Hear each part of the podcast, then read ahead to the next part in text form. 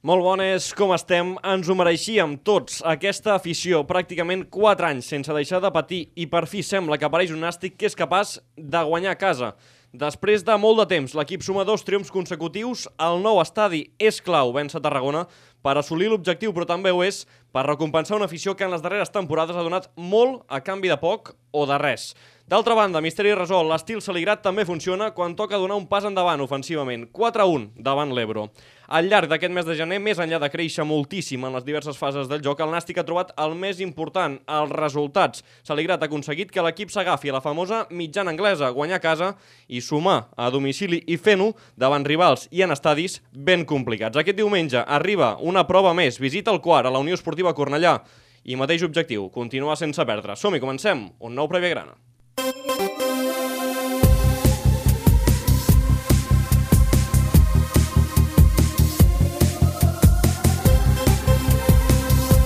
Prèvia Grana. Adrià Tella. I arrenquem començant saludant aquí tinc a la meva dreta Marc Pérez, què tal, com estàs? Què tal? Molt bona tarda. Paula Jansà, què tal? Hola, Tella, molt bé. I a la meva esquerra, Anton Gasol, molt bones. Molt bones. I avui Edu Pino, molt bones, benvingut. Hola, què tal? Gràcies per convidar-me. Escolteu, comencem parlant com sempre, és una prèvia, però pel partit anterior, Edu, i començo avui per tu, pel partit davant de l'Ebro, ens fèiem la pregunta de, després de venir de molts partits on el Nàstic aconseguia ser sòlid davant equips més forts que, que nosaltres, i que així ho demostra la classificació, rebíem a l'Ebro, rival més o menys directe, de la mateixa zona, ens preguntem si el Nàstic seria capaç de donar aquesta passeta endavant i com ho va fer, 4-1. Sí, 4-1 i sí, malauradament és un rival directe a dia d'avui, tot i que a principi de temporada probablement a totes les travesses no hi apareixia com a rival directe, però, però sí, tot i que el 4-1, a mi personalment, eh, lògicament és per estar content, perquè una victòria sempre reforça i, i com a vestuari una victòria et fa créixer més, però sí que és cert que ha punts del partit, fases del partit en què, bé, eh, suposo que també a mesura de que vagi passant les setmanes s'han d'anar adaptant els nous, els nous futbolistes, però recordo que, per exemple, amb el, amb el 2 a 1 estava inclús més a prop el 2 a 2 que, que no passa el 3 a 1 i a vegades, doncs això, els gols ho acaben decidint tot, eh, tinguis un bon dia o no tinguis un bon dia, i al final el 4-1 que, que dona moltes, moltes ales en aquest equip, sobretot a, a jugadors importants, un que acaba d'arribar com és el, el Frank Carbia, un altre Gerard Oliva, són, són gols i són eh, victòries que reforcen no només a aquests jugadors, sinó també a tot el vestiar, a tot el vestu, vestidor del Nàstic. Mm. Anton, després parlarem del debut de Càrbia i de la resta d'incorporacions, però ens preguntàvem si el Nàstic seria capaç de trobar el gol davant rivals com l'Ebro, que en principi vinguessin a rebutjar la iniciativa al nou estadi, que de fet així va ser la primera part, tot i que la segona el Nàstic també li va regalar la pilota a l'Ebro, i el vam trobar. Quatre oportunitats, bàsicament, i quatre gols. Sembla poc. Jo crec que ens pertocava tindre una miqueta la sort de cara al que ha dit l'Edu, vam estar més a prop del 2-2 que no del 3-1, I és que vas cridar fora, eh? però el que tenim clar, el que tenim clar és que ens pertocava i portem la dinàmica positiva i quan la, la dinàmica és positiva mm, el vent et ve de ca- et ve d'esquena, no et ve de cara. Llavors, i és la pel·lícula aquella de set point, no? Toca la xarxa, entra o va fora, o toca el pal, entra o va fora. Crec que estem en dinàmica, tenim molta qualitat i l'equip s'està consolidant. Vam veure nosaltres, si més no jo, una tranquil·litat i seguretat al mig del camp enrere, que dius, centreu el que vulgueu, vingueu com vulgueu, perquè l'Ebro sí que va tindre més la pilota, però tampoc va xutar tant a porta, vas fer alguna jugada, van Però pel mig. després de molt temps van tindre dos, tres o contra uns, el rival del Nàstic. Ah, bueno, pues que que tu- menys mal que dos eren de Stefan Emaná perquè segueix tenint Bueno, la mateixa però, efectivitat. sí, sí, però que, Ber, que, que Bernabé va sortir, la va, que era Sí, fàcil sí, sí. que se la mengés. Vull dir, en altra època potser li hauria passat per sota o per dalt. Jo crec que podem estar molt contents, bé que l'equip està allò, i em quedo amb la dinàmica positiva, no amb dinàmica de cara, i com va el vent d'esquena, fota-li fort. No de cara, eh? d'esquena, eh? Ah. Perquè la gent això ho diu al revés. És com el que et dia pixar de cara, de Però cara ja al vent o a a l'esquena. Tu a, a deixar-los clar. Pere, escolta, el que dèiem Què passa? abans, vam trobar, vam trobar quatre gols i a més doblet de dos tarragonins. Un que debutava a més, Sí. com és el cas de Frank Carvi, i l'altre de, de Gerard Oliva, de Riu de Canyes. Tots bones notícies, que ja feia falta un partit en el qual tot fossin bones notícies, tot i que és cert que el que deia el Pino, que en el 2 a 1 i semblava més a prop al 2 a 2, perquè no sé si l'equip va tirar una mica enrere Sí, o... sí, ho va dir Saligrat. Jo crec que, jo, que s'entengui, eh? no, no és que va haver fases durant el partit, sinó en aquell moment Sí, sí. eh, jo crec que el Nàstic no va saber controlar el partit. Quan el tenia força de cara, eh, jo crec que una persona que, que hagués sabut eh, fer servir una mica el tempo de, del partit li hagués anat bé. Clar, que és el que falta sí, normalment en aquest doble pivot. Correcte. Un, al costat de Fran Miranda. No sé si Tienza és aquest jugador, perquè és més perfil Després Miranda. parlarem d'aquest cap de setmana perquè recordem que no hi ha David Goldar. i, bueno, però bueno, suposo que jugarà Tienza, però bueno, ja en parlarem. I sí, és cert, faltava això, algú que, escolta, temporitzés una mica el joc, pausa i que no es precipités tant a l'hora de tenir pilota. Però bueno, notícies positives perquè Bernabé continua parant, va ser important, per no dir decisiu, perquè va salvar l'equip en moments clau del partit.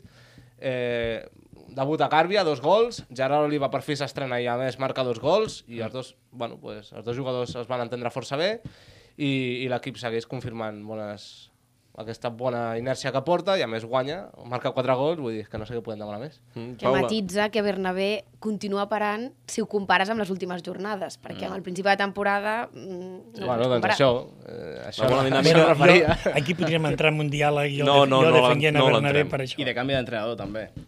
Sí. I de canviar sistema, però bueno, que deixi la Paula, sí, sí. perquè aquí podríem entrar i quan surt, com, A me- debat, aquí. com Sí, me com toquen quan els entra a la meus, porteria, quan tu me toquen els meus, nerviós. Ets de, ets de Bernabé? jo sí. Jo sóc més com la Paula, doncs. Bueno, tu ets de Mora, ves què hi farem. Tot no, no pot ser perfecte, no? Però de el que deia, parlava de bona dinàmica del Marc i l'Anton, bona dinàmica que també s'agafa a la porteria en el cas de Bernabé, però sobretot s'agafa a casa. Dos partits seguits guanyant el nou estadi, després de molt de temps.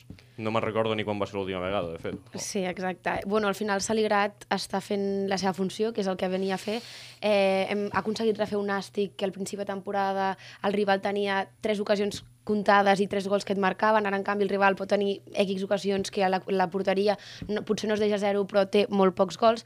I en canvi al revés pues, pues, també s'ha modificat, el Nàstic abans no tenia quasi ocasions, ara quan les té les fica i això és lo, lo important. Al final Saligrat també suposo que l'afició, casa, sempre això tira més i, i al final el nou estadi és un, és un camp que ells es coneixen i que, pues, evidentment, juguen millor. Però sí, sí, el, està clar que Saligrat, la feina que està fent durant la setmana es veu reflecta, reflectida als partits. Mm. I rematem el que va passar el cap de setmana passat abans de començar a parlar d'aquest cap de setmana al partit de Cornellà, Edu, perquè també hi va haver una mala notícia que és la lesió de Brugui, que al final no ha estat tan mala notícia Sí, per perquè ha vingut amb, amb només un mes de baixa, perquè ens temíem segurament que Brugui no pogués ni, ni tornar a jugar aquesta temporada. De fet, s'havia parlat del club d'agafar la fitxa de Brugui per posar-la la, la de Ribelles, que de fet ahir en la presentació dels jugadors el president va dir que si hi havia alguna lesió de llarga duració seria Ribelles qui ocuparia aquesta, aquest lloc, però el que dèiem, la lesió de Brugui, que al final eh, afortunadament és un mes. Sí, per sort, i uh, traient la, la foto de l'altre dia de la presentació em va xocar molt, no?, el fet de Ribelles amb, amb la samarreta i amb la, i La amb la cama. pota... Amb la... Però, però sí, per sort, lo de Brugge al final no va, no va ser res perquè semblava una, una lesió d'aquestes greus i per sort, en principi, d'aquí un mes o així ja, ja, el tindríem, ja el tindríem altre cop, però bé, és la nota negativa Deixa'm de, preguntar-te tu, perquè abans de que l'Anton Sí. digui el contrari, Sí. tu també consideres que Brugui és el millor jugador del Nàstic del que va de temporada? O dels millors? És que va de, del que va de temporada o de l'últim tram. És que, Del que, del jo, jo fins, fins, fins, fins, a, fins que ha començat el 2020. Sí, podria ser, podria ser, però, però vaja, com tampoc no, no ho veig jo tan, tan, tan clar, però sí que està fent un... És a dir, una- per tu estaria a l'11? Si Sí, fos... sí, sí, Vale. a l'11 sí. A l'11 No, bueno, sí. per l'entorn no, llavors, bueno, aquí No, no, a cadascú... l'11 sí, a l'11 sí, però... A veure, a veure, jo no he dit en cap moment que no estigui. He Bueno, que sempre he trobem pegues a- a Perdona, Brugui. perdona, senyoreta. He dit que li fa falta pujar la, a la graderia un parell de partits. Aquest xiquet va sobrat, s'ho creu. I quan la gent s'ho creu, passa lo de Viti. Vull No, dir, jo crec que són molt diferents. Eh? me, Molt- me, molt diferent, Me deixeu Anton. acabar Molt un mi-. És de Figueres, eh? Vull dir, a veure, a veure si al final... A veure si al final... I, i? La tramuntana llimpia molt les neurones. A veure, aquest xiquet ho fa molt bé, però quan la perd... Mireu, fan cràrbia, quan la perd es gira i mossega, d'acord? Bueno, però són, està, està, fe- està per fer encara, Brugui. Frank Carvi ja està més fet, Està per fer... no? Sí. Futbolísticament parlant. Sí, no, no, vull dir, a veure, jo t'estic dient, ningú li treu les condicions, crec que té unes condicions innates, crec que pot arribar molt a lluny, però algú el té que assessorar dir que quan surt el primer regat té que tonar, que no vulgui fer tonteries ni, ni la sartén ni hòsties texantes, perquè si ho fa fàcil és molt bo. Entra per la banda, mai. Quan li perden, re, re, segueix la jugada, mai. Quan marca el seu interior, el lateral n'hi cobreix dos. Estic parlant tàcticament des del camp. Sí, I però- amb això no vull dir que siguin mals jugadors, ni molt menys, eh? però que, que jo li donaria una cura d'humilitat, això ho sap. Vale. I abans de que arribés Càrbia també ho pensaves. Eh? Que abans de que arribés Càrbia també ho pensaves. Sí, sí. Que no és que perquè ara estigui Càrbia. No, no, però t'estic dient, però l'exemple de Càrbia, per mi ha anat molt bé la lesió perquè l'altre pot demostrar més coses que potser no les hauria demostrat. Res més, però digui, futbolísticament poder és millor el, el dir, però en lluita per equip, tàcticament, baixar, el Càrbia... Mira, jo, al meu equip, vull els, un Càrbia sempre. Hi ha jugadors que els vols... Mira, jo Miranda estic enamorat i cada dia que el veig més. Un, man- perquè el paper que fa al camp, a la banqueta, al mig, vull dir, este, no, l'Hèrcules deuen estar... No, la gent de l'Hèrcules estava emprenyadíssima. Que no, home, que no. Que tenen, que tenen a Ferone. Dir, Però bueno, per Sí, això... sí, No, tenia un bon no, regal. és que va guanyar el camp del líder aquest cap de setmana. Els hem deixat un bon regal allà. No, però sí, sí. Sí, sí, però tu tens un bon regal, però aquest paio, aquest que parlem d'un 90 i pico... I Perone ha- ha- o- Sí, sí, Perone, Perone. Perone. Ha jugat amb el Saragossa, ha jugat aquí. Sí. Dir, ta- tan so que és que cap entrenador... Cuidado, eh? No, però jo sé que per al joc aeri els El entrenadors joc li va aeri, molt, va molt bé. eh, un entrenador, molt. un entrenador que vol que la paris amb el pit i la tiris amunt i el va bé, sí. vull dir, depèn. Sí, sí. Hi ha jugadors que valen i per altres no. Sí, Ah, sí. tu voldries el Sergio Ramos al teu equip? Clar, i tant. Jo mai. Jo sí, i tant. Per fer... Ja m'està Sergi Ramos. Escolta, Pérez. Se I tu, Marc? tu també, no? Sempre, sempre el meu equip. Jo, vull dir... De fet, està el meu equip. Vull dir. Així bueno, jo em, quedo, jo em quedo amb Marc Bartra, que li dono mil voltes. Compte, compte, compte. Bueno, les comparacions Bueno, d'aquí frenem-ho sí. això una mica. Pérez, perquè vull parlar també una mica de la realitat d'aquest Nàstic. Venim amb molt bona dinàmica, són cinc partits sense perdre, és la millor dinàmica de la temporada, sense cap mena de dubte. Hi ha gent que comença a pensar en el playoff, menys Antonio Gasol, que va dir que el farem. No és que hi pensis, que diu que el farem, però és que estem a 4 punts del playout. Potser hauríem de tenir una Ah, mica clar. els peus a terra, no? Jo crec que fins que no passem uns 10 punts de barrera de, amb el descens, vull dir, ha- has d'estar pensant en el que estàs més a prop, en aquest cas el descens, el playoff... El playoff és a 13, per... és difícil, o sigui, és possible, perquè el Nàstic acostuma a fer bones segones voltes i a remuntar aquesta puntuació, però, Eh, però tant. però és, és difícil. Eh, és que has de guanyar Po- posant, quasi tots els po- posant partits. números, segurament, si l'Nàstic perd 3 partits o 4, el playoff seria impossible. Sí, però que a part ja no depèn de que tu guanyes, depèn de que els altres vagin Sí. punxant. Vull dir, clar, és que, Que són, els que són condicionants- 13, més que la veràs 14 o... Sí, sí, Sí, sí. no? Serien 14. Doncs... També és que ens flipem amb la, a la No, no, mínima, és clar, eh? sí, Vinga, ja. Centrem-nos primer en, Vull, en vull això, distanciar-nos. que interrompem, ho retratareu, eh? Si Ho ho fem, et retratareu. pagarà tothom. Un... M- Me sents? Jo, I avui he sentit un hasta amb escopinyes. Bé, però més enllà de que fem playoff o no. No, no, que però em refereixo, a veure, tenim una cosa molt bona que és la inèrcia. La inèrcia. Sí, La clar, i ho Quan tu agafes... cara. Mira, molts equips que estaven al principi i tal, a on estan ara? Perden tres punts, nerviosisme. Nosaltres, com que sempre hem estat a avall, no podem anar més avall. No hem pogut anar... Bueno, sí per força, Sí, per força tenim... Vull dir, Només avall sí, pots anar a tercera. No, home, no, estem, I a refereixo, primera volta i- em refereixo, i hem, fet, hem fet una primera volta per baixar regional, però em refereixo que estàvem a baix, sols podíem anar a Camp Dalt, sols podíem anar a Camp Dalt, em refereixo amb una curva logarítmica, llavors estem, estem d'inèrcia, estem en l'herança, està on? Ja veurem. El que passa que jo, jo crec que és un tema ja eh, psicològic. Claro, home. quan, quan es parla de, i sobretot d'equips com, com el Nàstic, no? que baixa a segona B i és un equip que està cridat a estar a dalt tota la temporada i torna a pujar el mateix any. Llavors, clar, quan tu tens aquesta aquest, Aquest pensament, xip, aquest xip. aquest xip a principi de temporada, lògicament, quan estàs fora Costa i, ja, molt. i encadenes... Hosti, que ara hem guanyat dos partits seguits, doncs ja hem de mirar cap amunt. Però això passa al Nàstic, li passa també a molts equips de segona divisió que són històrics de primera. Vull dir, és, és normal. El que N'hi ha hagut un la que anant realitat- líders han dest- Clar. han destituït l'entrenador. Clar, clar, la realitat és que estem a 14 punts del playoff i 14 punts jo trobo una bestiesa. Mm, Lògicament, eh, veurem la, la inèrcia, la dinàmica aquesta Mira, fins, fins a on va. Eh, però la inèrcia fins lluny. ara resulta que aquests partits mm, 3-4, aquests 4, 12 punts, la primera volta en van treure 4. N'han tret aquest, aquest han tret 8. Mm, La diferència... Eh? Estem parlant de... però sí, Però és com, per exemple, aquest... No, no, És molt llarg, això, eh? Vull Eh? dir, ara No, fa- home, però t'estic dient la primera volta en aquests quatre partits vam treure quatre punts i ara n'hem tret vuit. Vull dir, no estic dient res de l'altre món. Bueno, Cuidado. Són un equip molt diferent, també. No, no, no, l'equip no. Barcelona Atlètic, Llagostera... Nosaltres, nosaltres, Nosaltres, som nosaltres, molt si parlem de diferents. nosaltres. Bueno, diferents. O tenim la sort de cara, perquè amb Xavi i Bartoló no van jugar tan malament contra el Cornellà. Van fer molt bon primer, però, ostres, en 10 minuts ens en van fer Contra dos. el Cornellà i contra pocs equips més, eh? Bueno, contra el Cornellà. El Barcelona Atlètic no vam jugar malament. No, però- A l'Andorra ens va rentar la cara. L'Andorra ens va rentar la... I el Llagostera. Però mira, aquests dos jugar bé, equips... això de jugar bé o jugar Sí, malament, que li preguntin al Nàstic a pujar a primera, si jugava bé. No? Bueno, Al final, l'important és ja, ja arribar a un punt que és ser Ah, guanyar, resultadista guanyar, no i, i si guanyes, encara que juguis malament, jugaràs molt bé. Escolta. Paula, perquè parlem de, de playoff o de descens, però el calendari que ve ara al Nàstic és complicat, perquè és Cornellà, és Lleida a casa i és Castellón, que són els pròxims tres partits, rivals de, de zona alta, és cert que el Lleida ha caigut una mica d'aquesta zona, s'ha despenjat, a més, ahir va perdre aquell partit aplaçat al camp de la Nucía per dos gols a un, però és un calendari dur pel Nàstic. Bueno, veurem, o sigui, també era dur a l'Andorra i al final, encara que van ser superiors a nosaltres, perquè van ser superiors a nosaltres, vam aconseguir un empat que el seu camp no és poc. Així que, bueno, jo crec que és el que diuen una mica ells. Al final, amb la inèrcia que té l'equip ara, tot, crec que és possible i de sobres. I a més amb un 4-1, o sigui, això ha de ser un xute d'energia pels jugadors increïble i no penso que siguin uns partits que patirem, segur que sí, perquè el Nàstic sempre pateix, si no, no seríem nosaltres. Però, però sí que és veritat que jo crec que amb la inèrcia que va a l'equip veurem a veure com va Cornellà i a partir d'aquí, pues...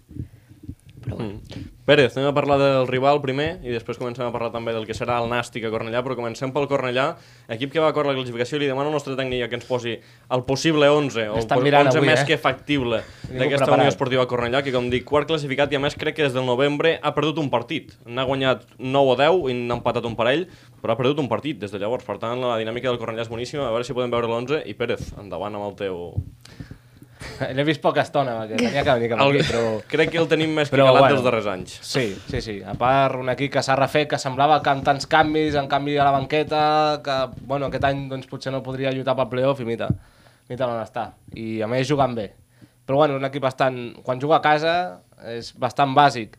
Pilotes intentant buscar a Pablo Fernández, que juga de mitja punta, que és un 4-2-3-1, si l'equip defensa un 4-4-2, Aquí tenim l'11. i bé, això seria més en plan defensiu, eh? però bueno, sí, sí, L'amic més o menys.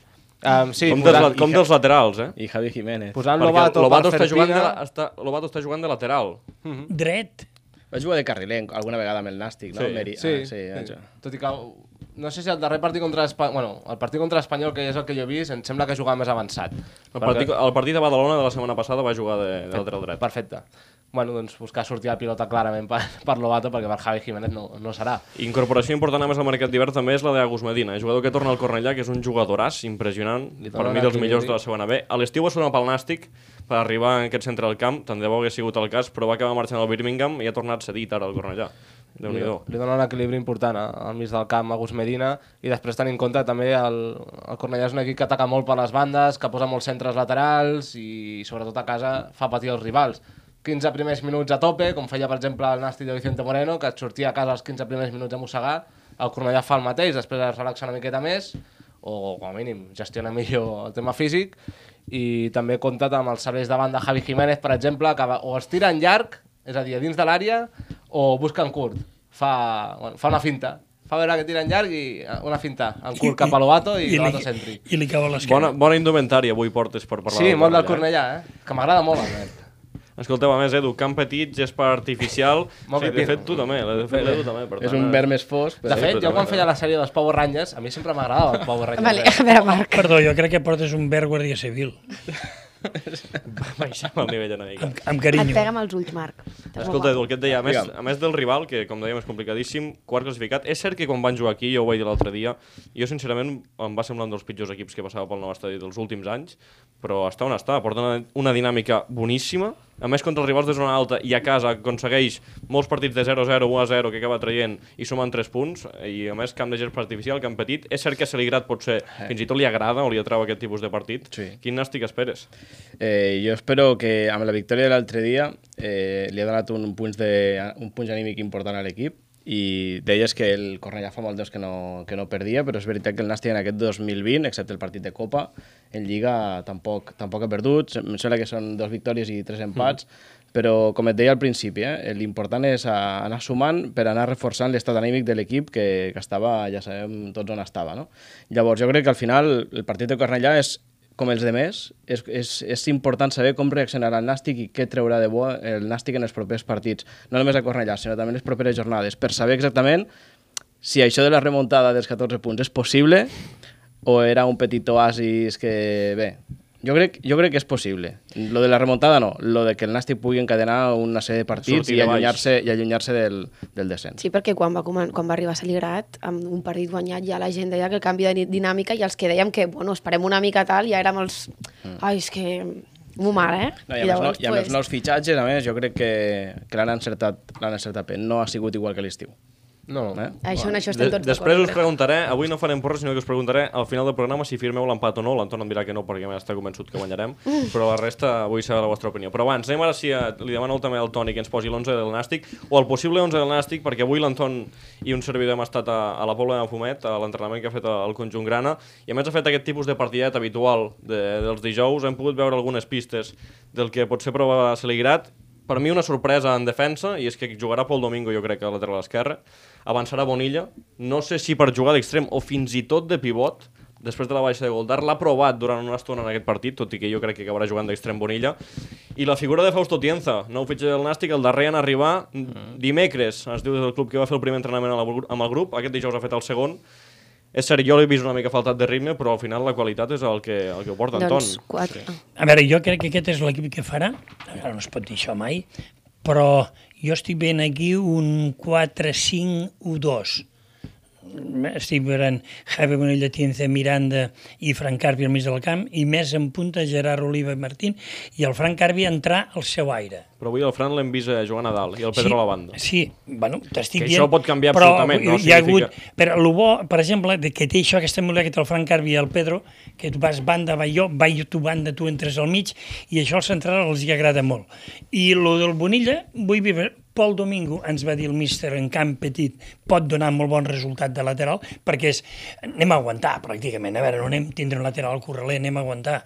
I, i el Jesús Rueda, poder no és tan ràpid, però en camps, camps cobreix molt el camp, treu, Juan Rodríguez, i el Barran, bueno, vull dir, aquest jo per mi serà... I hi ha el dubte obert també, Paula, de la possibilitat de que entri Pol Ballesteros a un costat i no sé qui acabaria sortint, potser el mateix Pedro, que és cert que en la segona tanda de, de partit ha canviat d'equip a Pedro i a, i a Pol Ballesteros, per tant també obert això. I a mi el que em crida més l'atenció d'aquest 11 és que 4 dels 5 fitxatges i un perquè està lesionat i no hi ha cap manera de ficar-lo. També és veritat que aquí suma que no està Goldar, que no està Javi Márquez, que tampoc està Brugui, però vull dir que almenys els fitxatges que han vingut que sigui per sumar, per aportar i que perquè estiguin a l'11 i no perquè estiguin a la banqueta fent de florero. Pérez, us la jugaríem amb Tienza. Jo torno a dir que és cert que porta molt poc entrenant amb, amb el grup. Vosaltres l'heu vist avui. A mi m'ha semblat que, a veure, parlem d'un jugador de, de segona divisió, un jugador que la temporada passada va jugar 30 partits amb l'Extremadura segona divisió. I ho, i ho va fer molt bé. Sí, és prova suficient, però és cert que ve faltat de ritme perquè aquests 6 me 4 5 mesos que ha estat a, a Grècia, 3 els ha passat lesionat i en el darrer no va tenir minuts, per tant porta molt temps sense però jugar. s'ha vist aquest matí en un camp no tan gran i a veure, sobretot fora, sobretot fora, Beckham de contenció, a veure, vull dir, Beck mm, Sí, sí. mm, i en Miranda, vull dir, estem parlant de contenció, no? El Beck bastant bé. El van dir l'altre dia, Tienza, perquè jugava al central, que no sé quanto, i aquests homes els veig més fora que a casa, jo. Però, clar, aquí segur. Vull dir, Estem parlant que l'altra opció, a part de la de Bonilla, que jo crec que no acabarà sent, tot i que Celebrat, com dèiem, l'ha provat, és la d'Òscar Sanz, que també ha entrenat avui amb el Nàstic. Fins a 8 jugadors de la Pobla han entrenat amb el Nàstic, i Òscar Sanz ho ha fet amb, amb l'equip, de suplents. Difícil que jugui Òscar Sanz de titular, tot i que sí que coneix molt bé aquest tipus de cants, perquè a tercera la majoria són com el del Cornellà, però no crec que... Pues, segurament anirà convocat. Tenint en compte... Bueno, ja veurem, perquè al matí juga a la Pobla Camp del Vila, partit important, però, però bueno, jo crec que es farà Tienza Miranda. Ara sí, dic una cosa, m'agradaria que jugués Pol Ballesteros a una banda.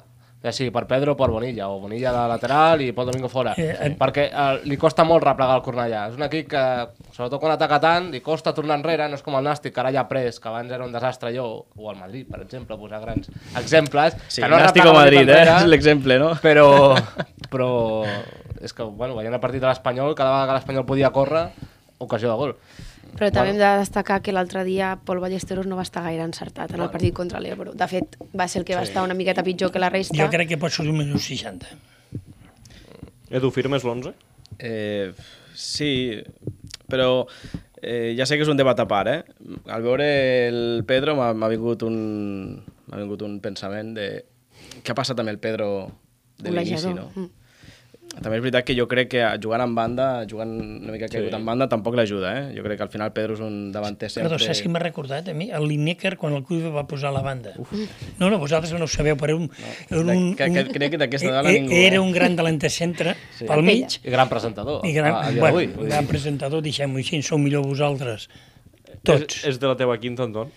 Me sembla que és més gran que jo. Però bueno, però us dic a l'exemple, Bueno, un, bueno, un bueno. gran delanter centro que el Cruyff el va posar a la banda Pedro té qualitat per anar a la banda, però m'agrada molt aquest intercanvi que fa. Jo pensava com tu, Pedro al mig i el Gerard Oliva que sapegui la que caigui. Clar, però és que després de marcar dos gols cadascun no els pots deixar tampoc a la banqueta. Jo crec que al final Càrbia i, i Gerard Oliva, a més a més, no només per marcar els dos gols, sinó també per l'entesa que mostraven l'altre dia, has de continuar apostant per aquesta parella d'atac. Que sé que m'ha vingut això de, de Pedro, eh? perquè recordo que va ser d'aquells fitxatges que va costar, que finalment es va pagar, que va començar molt bé, però que a poc a poc, com l'equip, no? també es va anar apagant i ja no ha reaccionat. I pels dos fitxatges, el Rueda i el eh, Fausto Tienza, jo, el, bueno, el, el Rueda aquesta temporada amb l'Extremadura ha estat i- sí, sí. No, no ha jugat pràcticament.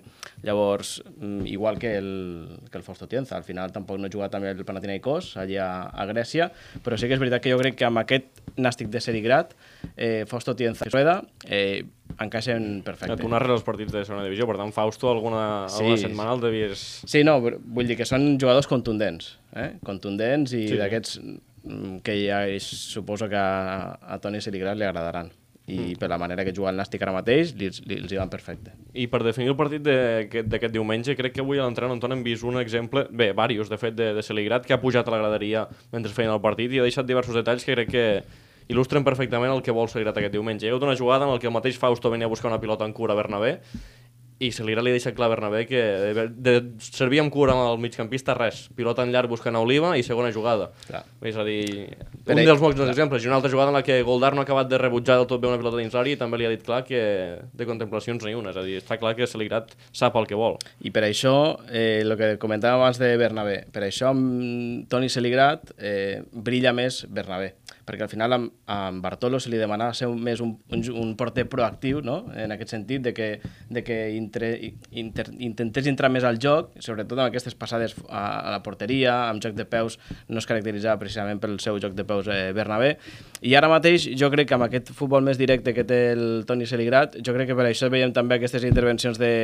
de, de Bernabé i, i sembla, sembla que, que està en més, eh, en més bones condicions. Vols que et digui perquè estem més bones? Puc, puc, puc. Sí, sí, pots, i tant que pots. Quan tu, jo he jugat a porter, quan tu tens el migcampista Miranda i la Tinza, el que sigui, que et tallen abans dels centrals, quan t'arriba el central està molt més ben col·locat tothom. Quan tu tens el central que es descobreix per tapar la banda, el porter està vengut. Aquí, en aquests moments, el porter té doble, doble central. Uh -huh. Com els que jugàvem jugant darrere, te'n dones compte que això et dona molta més tranquil·litat. L'altre dia Bernabé va sortir tres vegades per sota perquè la veia vindre. Quan tu el central eh, se t'obre, ja estàs, ja estàs perdut, ja estàs perdut. Mm, T'estic dient, la seguretat jo li dono aquesta. Per mi, Bernabé ens ha salvat molts partits, és un bon porter, amb els peus també ho fa valament. El que passa que depèn com tinguis. Vull dir, estàvem parlant de Perone abans, Perone li demanes pilota a la carretera, pues, a la refineria, perfecte. No, no, però si parlem del doble central al davant, jo estic, m'estic aquest matí l'estava dient, sabeu que em recorda mirant de mi el, el Guardiola com va començar? Tindríeu que veure estar als entrenos, Quan no? estem Miranda, però, ara? Eh? Quan estem Miranda, ara, He però? dit que em recorda a mi. Ah, vale, vale. A mi. Un, jo he tingut jugadors al meu equip que sempre he volgut tindre un 4 que sigui la prolong- prolongació meva li puc fotre una. Canviem de tema. Hagués convidat, vull dir, ja. Pérez, Què passa? anem amb la pregunta que us deia abans. Firmeu l'empat a Cornellà? No. Parlàveu de la mitjana anglesa de guanyar a casa i sumar fora? No. No. Firmo guanyar.